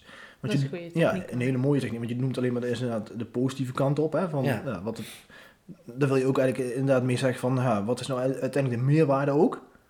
Om bezig te zijn met de dingen van, stel dat het niet goed zou kunnen gaan. Want dat is Sorry, ook vaak hoe natuurlijk. bedoel je die? Hoe bedoel je die? Nou, dat, eh, bijvoorbeeld Josje is bijvoorbeeld bezig met, hè, met, met eh, het, eh, het boeman scenario, waardoor het misschien niet succesvol zou kunnen worden. Van wie dan? Heb je een boemelsscenario van mensen? Nee, ik bedoel over de, de oh, je bedoelt power. negatief. Ja, Ja, ja. dat zij Ja. heeft gedaan van ja, misschien dat ze dingen eh, in zichzelf, hè, dat het egootje eh, haar dingen voorschotelt van ja, dit zijn de dingen waardoor het misschien mis zou kunnen gaan. Benoem jij net eigenlijk alleen maar dingen, positieve, waardoor het eh, een succes zou kunnen worden. Waardoor eigenlijk al die negatieve dingen die het egootje opnoemt, eigenlijk onderuit gehaald worden. Ja, je, dus je hebt weerstand en verlangen. Ja. En verlangen, je hebt donker en licht. Als je twee kamers hebt, je hebt één deur in het midden, je hebt donker in de ene kamer, licht in de andere kamer. Als je de deur open zou doen, vraag ik vaak aan mensen, oké, wat gebeurt er met het donker in de donkere kamer, licht in de lichte kamer? Ja. Als je de deur open doet, zeggen sommige mensen, ja, dat vermengt. Nou, geloof me, dat vermengt niet, dat kan niet. Het licht schijnt altijd in het donker. Dus het kleinste beetje licht is altijd duizenden keren sterker dan het donkerste donker. Ja. Licht is liefde. Mhm. Onvoorwaardelijke liefde is de hoogste vorm van licht. Als je, eh, dus licht en donker, onvoorwaardelijke liefde, hetzelfde met, eh, wat zei ik nou hiervoor, die, die hiervoor? Dus dit was licht en donker. Ik had er net nog een. Het wordt toch een beetje laat, hè? Mooi. Oh, jullie zijn scherp nu. Nou, ja, eh, waar het op neerkomt, wat ik wil zeggen, is van als je verlangen weerstand, dat zei ik, sorry. Oh ja. Als je dan, of ego, hart, weet ik veel. Het is hart met een D, hart met een T. Al die, al die, maakt allemaal niet uit. Ik, Ja. Licht en donker vind ik altijd lekker simpel. Als je daadwerkelijk gaat connecten met datgene waar je super blij van wordt. Ja. De angst om te falen daarin, houdt je dan bijna weer hetzelfde tegen. Snap je? Dus dat Mhm. is het enige wat je tegen kan houden. Als je dan gaat connecten met dat verlangen. En gewoon objectief kijkt naar, oké, als ik dit gewoon op deze manier neerzet. En ik zet die informatie neer die jij wil neerzetten, Josje, met, eh, hoe heet het ook alweer? Moms in Power Membership. En wanneer kunnen mensen zich daarvoor aanmelden? Vanaf morgen. Oké, dus dat komt goed. Maar die podcast Nee, die vanaf komt al iets vandaag, later. dus vanaf vandaag is die online waarschijnlijk dan. Oh ja, morgen, een- ja, 1 morgen- februari zet ik hem online. Precies. Ja. Dus, eh, Vanaf vandaag, mensen. maar dan, ja, vanaf vandaag schrijf je in. Eh, als je nu voor een jaar inschrijft, dan eh, is het nog... eh, Heel veel korting. Voor, voor, ja, als je geld op straat zoekt, dan heb je al meer verdiend dan dat je dit uitgeeft in één keer. Maar, en de waarde is ongelooflijk veel. Want als je daar vanuit je hart continu mee bezig bent. Ik, een voorbeeld. Gisteren was mijn zoontje eh, niet lekker. Mhm. Dus jij komt, oh, ik heb trouwens wel eh, gewoon, eh, zo uit niks. Ik heb trouwens wel twee dingetjes. Een of andere hoesdrankje, homeopathisch. En een, een of andere zetpil, homeopathisch. Hebben wij nog nooit over nagedacht. Ik Mhm. weet wel het bestaan ervan, hè. ik heb er nooit over nagedacht. Ik gaf Max die eh, zetpil, die heeft de hele nacht heeft hij, eh, geslapen. Ja. En ik ben helemaal niet van zetpil, van medicijnen, wat ik veel. Jullie weten hoe wij erin staan. ja, nee, wij het zelf. Maar dit is homeopathisch. Ja. Dus je bent daar vanuit je hart mee bezig. Als je dat soort dingen gaat delen, puur vanuit licht, vanuit liefde, vanuit je hart, dan kan het niet anders dan dat dat vermeerdert, vermenigvuldigt, dat daar mensen naartoe komen, et cetera, weet ik veel. Ja. En tegelijkertijd kom je daar in je eigen dingetjes tegen van, oh, dan krijg je net iemand die zegt, ja, het is wel duur. Ja, de, dat is omdat je zelf nog in je hoofd denkt van, fuck, fuck, fuck, is het niet te duur? Mhm. Ja, dat is gewoon leermomenten. Klopt. Ik weet hoe het werkt. Ja. Ja, ja, dat is eigenlijk wel, dat is wat grappig. We zeggen altijd, hè, zo binnen, zo buiten. Ja, Dus alles, als, we, als we een reactie krijgen van het is te duurder, is het nog inderdaad van oké. Dan vinden we het hetzelfde, dus zelf. waarschijnlijk nog ergens waar ik nog iets op te lossen heb. Ja. Dus in dat opzicht. eh, Ja. Maar ik eh, 100% 100% ben ik met je eens wat je nu zegt. Hè, van als je het uit verlangen gaat doen, dan, dan is, is er geen andere mogelijkheid dan dat het Succesvol worden. groter gaat worden. Ja, Ja. ja. zeker. En dan bouw je ook je vertrouwen op, bouw je je hart op en eh, ja, zo, zo werkt het, Ja. denk ik. En daarom moet je dus ook inderdaad, hè, wat we ook altijd zeggen, je moet gewoon eigenlijk alleen maar bezig zijn met dingen waar je, gewoon, waar je hart ligt. Waar je heel blij van wordt. Ja. En dat die stappen durven maken om te zetten. Ja, en eh, alleen maar vind ik dan weer, dan, dan maak je hem te zwart-wit in mijn optiek. Omdat, Mhm. kijk, je hebt het soms gewoon nodig om even een baan te hebben en je doet er wat naast, of weet ik veel, snap je? Dus, ja, ja, nee, oké. dus echt, zeker. maar om wel ook aan de slag te gaan met datgene waar je hart ligt, daar ben ik het er 100% mee eens. Ja. Als je dat doet, dan kan het alleen maar groeien. En al doe je het alleen maar voor de lol of voor de positieve energie die je er zelf uithaalt. Want tegenwoordig is het ook een beetje dat eh, iedereen wil maar in Bali zitten met een laptopje en eh, weet ik veel. Ja. Ja, weet je, eh, ik weet het niet, maar zo werkt, eh, zo werkt de, de wereld niet. Dat je, iedereen kan creëren wat hij zelf wil, maar die mensen die daar op Bali zitten, ik wil het eerst maar zien of die echt daar op Bali zitten en daar... Ik heb nog nooit in een eh, zonnetje kunnen zitten met een laptop trouwens, maar goed. Dat, dat dat werkt niet zo lekker. Nee, Nee. Dus snap je Ik de... kan het wel dadelijk trouwens. Ja, jij, jij wel. Nee, maar snap je dus... Ja, dat bedoelden we niet. Nee, dat was ook niet strekking. Nee, hij bedoelde juist dat je door, de zon, door het zonlicht het scherm gewoon niks Oh, ziet. zo. Ja. Ja. ik snap. Ja, sorry. Het is Nee, dus, dus mensen willen meteen, ze, eh, ze willen er niks meer voor doen. En zo werkt het niet. Alles wat je doet, kom je datgene tegen wat je nodig hebt om weer te leren, om te groeien. Ja, zeker. De les die geleerd mag worden herhaalt zich. Ehm, eh, als je een paar keer niet luistert, dan worden lessen wat hardnekkiger. Ja, weet je, zo, zo werkt het gewoon. Ja. Ja, want wat je zegt eh, is eigenlijk precies eh, hoe ik eigenlijk zelf er ook eh, een lange tijd in gestaan heb. Ehm, en niet dan letterlijk het laptopje in Bali, maar ik dacht, ik had ook een bepaalde overtuiging van ja, ik, ik moet eigenlijk alleen maar dingen doen waar ik, waar ik blij van word. En dan, dan is het zeg maar compleet. Terwijl het eigenlijk helemaal niet uitmaakt, zeg maar, om ook gewoon iets ernaast te doen. Maar we maken door alles wat de maatschappijen, de social media naar buiten wordt gebracht, nee, dan is de ultieme vrijheid. Ja. Dat je met het laptopje van Bali. Maar dat is totaal niet nodig. Nee. En dat is inderdaad, dat, dat was voor mij echt een inzicht, waardoor ik hè, de- zelfs nou juist gewoon vrijheid kan ervaren. Terwijl ik gewoon een, ook een baan heb, hè, zo'n, Ja. of eh, ergens heb. Maar daarnaast doe ik heel veel dingen waar ik heel blij van word. En dan zie ik nou ook in een heel kort, eh, hele korte tijd, zeg maar, ook in een versneld tempo groeien Ja. en ontstaan. Omdat je daar juist dan ook echt met je volledige verlangen in zit. En dat je denkt van, dit is echt, als je, als je de voor mij is dat het, hè, de herkenningspunt, de kriebels in mijn buik, als ik dat voel, ja, dan weet ik gewoon, dit is gewoon, dit gaat gewoon, dit gaat het worden. Ja, Vol overtuiging. Terwijl ik niet weet wat het nog is nu, maar dat voel ik wel. je boekjespel. Ja, bijvoorbeeld. Ja, Dus ehm, ja, en, en kijk, en ik heb dan een hele mooie leermeester in mijn omgeving, die nou hier tegenover me zit, waar ik echt, van, ja, wat ik letterlijk zie van eh, wat er uit hè, diepte, wat ik net zei, jij hebt de afgelopen 2,5 jaar hele diepe dalen gekend die ik nog niet gekend heb op financieel vlak. ja. Maar daarnaast heb je ook weer de, de meeste stijgingen gehad. Maar dat komt gewoon puur omdat jij gewoon wel, dat, jij stapt wel, in dat opzicht ga je wel volledig achter je gevoel aan. ja, ik ben wel iemand van de extreme, wat Ja. dat betreft. Ja, Maar dat, ja, en dat is ook iedereen anders dus, in. dus inderdaad, want eh, ik weet nog in die periode met dat eh, bellen en dat financiële gezeik en zo, dat jullie bijna misschien wel honderd keer zeiden van, gast, dit is toch echt niet wat jij moet doen. Ja, en dan heb ik wel ook zo op zo'n moment, ja, fuck you, weet je, ik bepaal zelf wat ik doe. En eh, ik denk gewoon dat ik nu goed zit. En dat maakt ook dat ik er zelf van kan leren. Mhm. Zeker. Eh, en dat ik zelf, achteraf was het zo logisch als wat. Maar op dat moment eigenlijk dus niet. Maar je, ja, je moet toch gewoon zelf ervaren. ja, want wij zaten eigenlijk dan ook weer de reddersrol. Want Ja. je moet gewoon ervaren eigenlijk. Ja, en, ja, en natuurlijk dat- met vrienden heb je natuurlijk anders. Precies. Ja, dat is ook Weet eens je, dat- logisch. je maar- mag echt wel dingen tegen elkaar zeggen. Maar het is wel, als je het aan die ander dan ook laat, ja, dan is er niks aan de hand. Dan is het niet redden. Dan is het gewoon een, eh, vanuit je hart een, eh, iets wat je, wat je terug wil geven. Maar eh, ja, nee, maar klopt. Ik, ja, financieel gezien is het eh, van, van, eh, van vriespunt naar eh, toppunt gegaan eh, in no time. Ja, nee, zeker, zeker. Maar ik denk, daaraan ten grondslag ligt met name in mijn optiek, bij mezelf in ieder geval, de ontwikkeling van mezelf daarin. Dus oftewel, datgene wat ik daarin tegenkwam, dat weer aangaan, de pijnen die ik tegenkwam, dat weer aangaan, trauma oplossen, eh, echt ermee aan de slag gaan. Want dat is de kant die veel mensen niet zien, snap je? Mhm. Maar ik kan je de facturen laten zien van de coaching en de dingen, en de, weet ik veel wat ik allemaal weer gedaan heb. Ja. Ook in die periode en ook op het moment dat ik eigenlijk het misschien wel niet kon betalen. Maar dat ik gewoon weet, oké, ik heb hierin in ieder geval te prioriteren, prioriteren voor mezelf. Prioritiseren voor mezelf is het volgens mij het woord.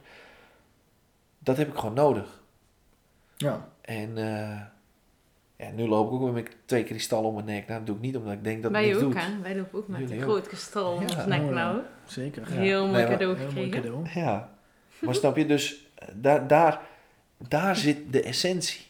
Dat, en het is zo simpel ah, voor mij geworden, dat je, ah, als je nou ergens tegenaan loopt, ga daar nou mee aan de slag. Je wil niet Ja. weten hoe snel je leven verandert als je dat gewoon lekker aangaat. Ja, dat is bizar, hè? Maar Ja. dat, hoe kan het dat mensen dat dus niet doen? Waar komt Omdat, dat vandaan? eh, twee dingen. Ehm, als je dan toch in mijn optiek, dus dit is een van de eerste tekeningen die ik ooit gemaakt heb in mijn leven eh, met persoonlijke ontwikkeling, als je het over ego hebt. Ik zie je ego als een comfortzone. Dus die rand noem ik je ego. Mhm. Je ego is niet slecht. Je ego beschermt je om alles te houden wat je nu hebt. En als je buiten die comfortzone stapt, dan is er altijd een stem of iets wat je terug wil trekken het ego in. En dat is vaak de angstkant. Ehm, dus mensen zijn bang voor dingen, daardoor verstijft het. En als je er echt buiten blijft gaan, meerdere keren, dan kan die comfortzone zich verruimen en verandert ook alles op die comfortzone. Dus hoe ik het eigenlijk vertelde was altijd dat als je buiten je comfortzone blijft gaan, dan, dan gaat dat ego ook daadwerkelijk dood. Dat Mhm. transformeert, als het ware. Dus dat vecht ook met doodsangst. Met veel dingen vecht het met doodsangst. Onze amygdala, onze hersenpan, alles in ons systeem bij mensen is erop gemaakt om angst te vermijden. Dus je hele systeem doet er alles aan om dan ja, maar niet buiten jouw comfortzone te gaan, zeg maar. Ja. Dus ik vind het op zich ook weer niet onlogisch. Maar het is net als een, eh, bijna een spier die je ontwikkelt. Als je, als je nog nooit wat met je rechterhand hebt opgepakt en je gaat dat trainen. Ja, op een gegeven moment trek je een dumbbell van de, van de grond af van 20 kilo of 30 kilo. Dan Ja. heb je zo'n spierbal. En dit is ook een spier die je hebt trainen als het ware. Het is discipline Mhm. om daarmee aan de slag te gaan. Om op het moment dat het echt, dat je, when the going gets tough, dat je denkt, nou fuck hé, niet weer hè, ik heb er echt geen zin in. Om dan toch, oké, weet je, en ik ga het weer aan. Ja. En ik ga weer ergens naartoe. En dat maakt dat het dan ineens daarna heel snel kan verkeren. Want als de pijn, je binnenwereld representeert je buitenwereld. Als de pijn de angel uit jouw lichaam vandaan is. Je lichaam is letterlijk je gevoelssysteem waarin je eh, trauma opslaat. Dus dat in ademhaling zit alles. Als mensen pijn ervaren is het, ga je ook vastzetten. Mhm. Daar kun je het ook mee loslaten. En als die pijn eruit is, gaat het weer stromen. Alles is energie. Energie bestaat niet. Nee, wifi ook niet. Zie je ook niet. Wifi is er echt hoor. Snap je? Dus alles is energie. Dus als jij je binnenwereld hebt eh, eh, weer geschoond, trek je weer andere dingen vanuit de buitenwereld aan. Ja, ja, super mooi hoe je dit uitlegt. ja zeker. Echt heel, eh, heel duidelijk. En ik ben best visueel ingesteld, dus ik teken dan ook dat lijntje zo in mijn hoofd. En dat zie je dan voor je. Dus je ziet Ja. letterlijk wat er dan gebeurt. Ja. Echt heel, eh, ik denk dat heel veel mensen nu denken, ah, Ja. zo Ja, ik, hoop het. Voor Ja. Heel mooi. En als ze het niet denken, dan eh, zou ik gewoon nog eh, lekker meer podcast luisteren. En gewoon, ja, maar het is zo. Dat je Ja. gewoon, Het ja, is dat ook, is wel, ja. want er is tegenwoordig zoveel gratis ook te doen, weet je wel. Ja, dat Ja. punt wil ik inderdaad aan. Wat we in Nederland ook nog steeds een drempel hebben, merk ik bij mensen, is dat, eh, dat, dat, dat je ervoor, als je ervoor moet betalen, dat er nog een extra drempel bij komt. Hè, het is al heel moeilijk om hè, voor je, met jezelf aan de slag te gaan. Daarnaast is, zijn het niet de, de goedkoopste dingen, wat mensen vaak zeggen, hè, om daarmee aan de slag te gaan. Ehm, ik heb het zelf in dat opzicht ook, hè, ja, ook lastig begrepen, omdat ik voor mezelf, als ik aan mezelf aan de slag wil, ja, dan maakt het voor mij niet uit hoeveel die opleiding kostte. Ja. En dan zie je echt een groot verschil bij mensen. Dat vind ik Ja, altijd heel ja, interessant om te zien. Ehm, waar je net eigenlijk ook mee begonnen hebt, bij, eh, je bent nu mede-eigenaar van. Ja. Die organisatie is aangesloten bij het. Ja. Wat dus ja, in, Nederland een flinke boost geeft, omdat dat eh, toch wel weer een hele grote verruiming geeft voor mensen. Want Ja. die kunnen dan via de, het Stapbudget toch kennis maken Ja. met die spirituele wereld, waar jullie eigenlijk een hele makkelijke of een hele, hele goede theorie achter hebben zitten, heb ik gemerkt. Ja. Eh, dus daar ben ik super blij omdat dat, dat, eh, dat ik voor zo'n bedrijf kan werken. Omdat ik weet Ja. van, ja, dit gaat zo'n een, een, een grote boost geven. Ja.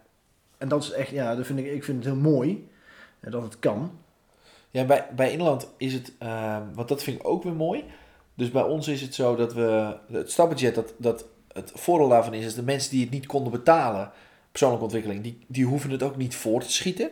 Die had je natuurlijk de regeling dat je het eerst voorschoot en dan krijg je 40, 50 procent terug. Mhm. En die is afgeschaft, daar heb je stapbudget voor gekregen. Je krijgt 1000 euro budget, kun je zes keer per jaar aanvragen om, eh, om een opleiding te doen. En wat wij doen is dat, kijk, die spirituele kennis, eh want die komen van Volendam. Ik, ik ben heel spiritueel, maar eigenlijk ben ik ook, sta ik tot en met mijn knie in de prut. Dus hoe kun je nou ook het tastbaar maken met gewoon psychologische stromingen? Hoe kun je het niet alleen persoonlijk ontwikkelen, maar ook professioneel ontwikkelen? En Mhm. die stappen, want als ik mezelf weer persoonlijk en professioneel ontwikkel, kan ik weer meer gaan verdienen, waardoor ik weer meer ruimte heb om weer meer een ontwikkeling te stoppen, et cetera. Ik denk dat dat een gigantische positieve boost geeft. Ehm, en dat is ook wat, wat, wat ik dagelijks zie. Ik, joh, ik heb mijn hele familie al eh, gezegd, ja, je moet, eh, ga die opleiding doen. Ja. Ik heb mijn eigen vriendin eh, naar onze eigen opleiding gestuurd. Achteraf was ik niet helemaal blij mee. Ze kwam thuis en zei, ik weet wat jij bent. jij bent een verbale mitrieur. en toen dacht ik, fuck, Annemiek, wat heb jij mijn vriendin geleerd? Nou, wel lachen.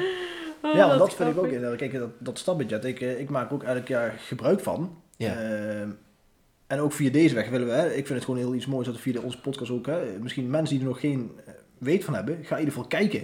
Hè, want, Ja. want, het, eh, want je kunt jezelf gewoon hè, op, eh, met een mooi budget van 1000 euro kun je jezelf gewoon verder ontwikkelen. Mhm. En eh, ja, ik, eh, het is niet dat ik nu zelf werk, maar ik zou zeggen van kijk bij Inderland sowieso eens rond. Ja, nou ja. Want er, kunnen echt, er zitten echt mooie opleidingen tussen. ik werk er wel en eh, ik zou het... Kijk, wij van WC in verkopen WC in, maar wat ik wel vind, en dat is ook hoe ik erin sta... ehm, ik denk dat wij, eh, daar streef ik ook naar, dat we gewoon het- de de best of the best leveren en brengen.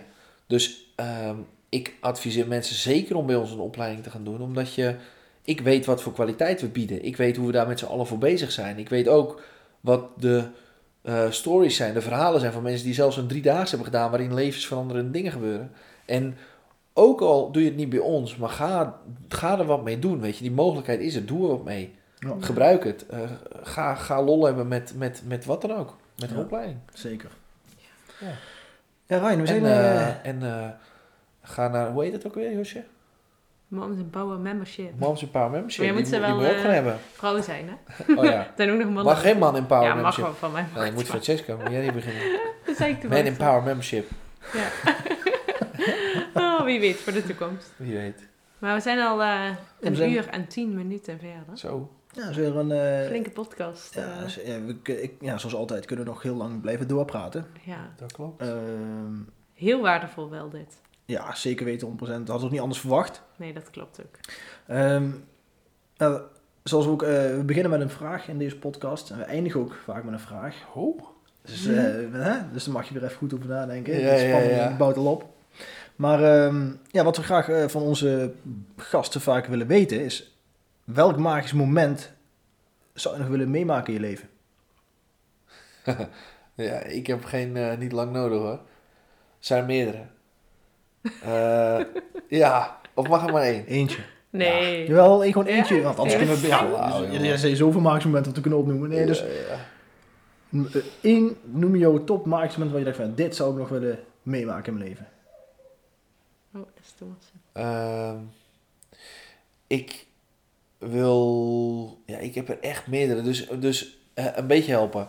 Is het, moet ik het voor... Want op eh, gezinsvlak, op relatievlak, op professioneel vlak... Wat jij het magischste vindt. Poh, ja, magisch. Dan, dan, ben je, dan kan ik bijna niet zeggen dat de geboorte van mijn tweede kindje, weet je. Ja. Oké, die Ja. niet. Die is, te, die is te voor de hand liggend. Nee, het meeste is voor mij... eh, ehm, ik heb al in visualisaties dingen gezien. Ik heb op podia gestaan voor veel mensen. En ik wil daar, dat wil ik meemaken. Dat ik echt voor gigantische publieken nog eh, eh, teachings doe of trainingen geef of weet ik veel. Eh, ehm, waarin, waarin ik dit hopelijk mag brengen. Dat is voor mij wel. eh, dus dat die impact nog meer vergroot en versneld mag worden. Ja. Ja. Oké. Mooi, mooi antwoord.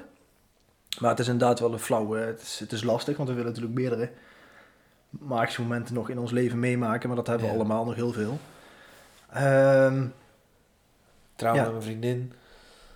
Ja, Mooie locatie. staat er ook nog op. Staat er Staat ook nog op de planning inderdaad. Tweede kindje. komen er heel veel mee. Staat hij ook op de planning, een tweede kindje? Nou, nog niet hoor. nog even niet. Nee, ondertussen hebben jullie waarschijnlijk op de achtergrond gehoord dat eh, Josje is, eh, die is eventjes vertrokken naar ons kleine. Die, eh, die werd eventjes wakker. Dus ik ga vandaag deze podcast in mijn eentje even afronden. Eh, we hebben het weer mooi uitgekiend. In ieder geval Ryan, super bedankt dat je hier wilde zijn als tweede gastspreker. Dat je ervoor open stond eh, om je verhaal te delen. Ehm, en eh, ja, nogmaals eh, super bedankt voor alle inspirerende woorden die je hebt gebracht. Ik, had niet beter kunnen... Ja, ik had niet nog mooier kunnen verzinnen zeg maar, hoe deze podcast zou verlopen. Ehm, dus super bedankt daarvoor. Alle luisteraars, ook weer mega bedankt dat jullie vandaag hebben geluisterd. Ik hoop dat jullie er wat aan gehad hebben. Of ja, ik hoop, ik weet eigenlijk zeker dat je er wel iets aan gehad hebt. Ehm, hierbij wil ik nog eh, mee eindigen. Ehm, stel, vind je het interessant om een één op één sessie eh, bij Ryan te doen? Je staat er nog voor open. Eh, Heb je de, doe je dat nog? ja, ik, ik, moet er, ik moet er bij wijze van spreken nog 25 heen plannen. Oh ja, kijk, Maar je, je mag altijd bellen om te kijken van, eh, of, of contact leggen om te kijken van, hey, wat, wat past er nou op dit moment het meeste bij me? Er komen ook nieuwe dingen aan waarbij ik eh, meer mensen tegelijk kan gaan helpen. Eh, dus dus er, er zijn aardig wat dingen in de ontwikkeling. Ehm, en het kan altijd. Ik bedoel, ik doe er nog selectief een aantal, maar dat is, dat is aan spirit. Ja, ik ja, ja, mag, Heel doen. goeie, hele goeie, ja. Ja. Daarnaast wil ik jullie er allemaal nog op Maar je kan ook gewoon jou bellen hoor. Ook dat. Josje trouwens ook. Josje die is ook weer, eh, die, die heeft eigenlijk het, eh, ook die, die opleiding gedaan die, die Ryan ook eh, gedaan heeft. Ja. Ehm, dus die heeft ook hele mooie sessies al die ze afgelopen week gedaan heeft. En hele mooie reacties gehad van mensen die daar zijn geweest. Dus Josje staat er ook altijd nog voor open. Ehm, daarnaast willen we nog de mensen op attenderen. Hè. Dat, het stapbudget kan tot eh 28 Ja, februari 28 nog. februari kun je het aanvragen bij het UWV. En je kunt jezelf nu al aanmelden, zeg maar, een vooraanmelding doen. Dan krijg je ook een aanmeldbewijs van ons eh, via de website, dus via innerland.nl. Eh, dat kan ook bij andere opleiders eh, overigens. Maar dan is het echt om 10 uur op 28 februari kun je het aanvragen. En hoe dat werkt, die stappen, die krijg je allemaal. Dus dat is niet zo lastig, gelukkig. Mooi, duidelijk. Ehm, en dan vanuit mijn kant ook, eh, kijk vooral eventjes op www.innerland.nl. Super mooie inspirerende opleidingen staan erop. Ik heb er zelf ook eh, gevolgd. En eh, nu ben ik zelf onderdeel van, dus dan mag ik dat Ja. ook zeker hier benoemen. Ook bij de Over Ons kun je zo meteen kijken naar Francesco Farinelli. Nou mensen, nogmaals bedankt voor het luisteren. En dan zien we jullie uiteraard weer de volgende keer.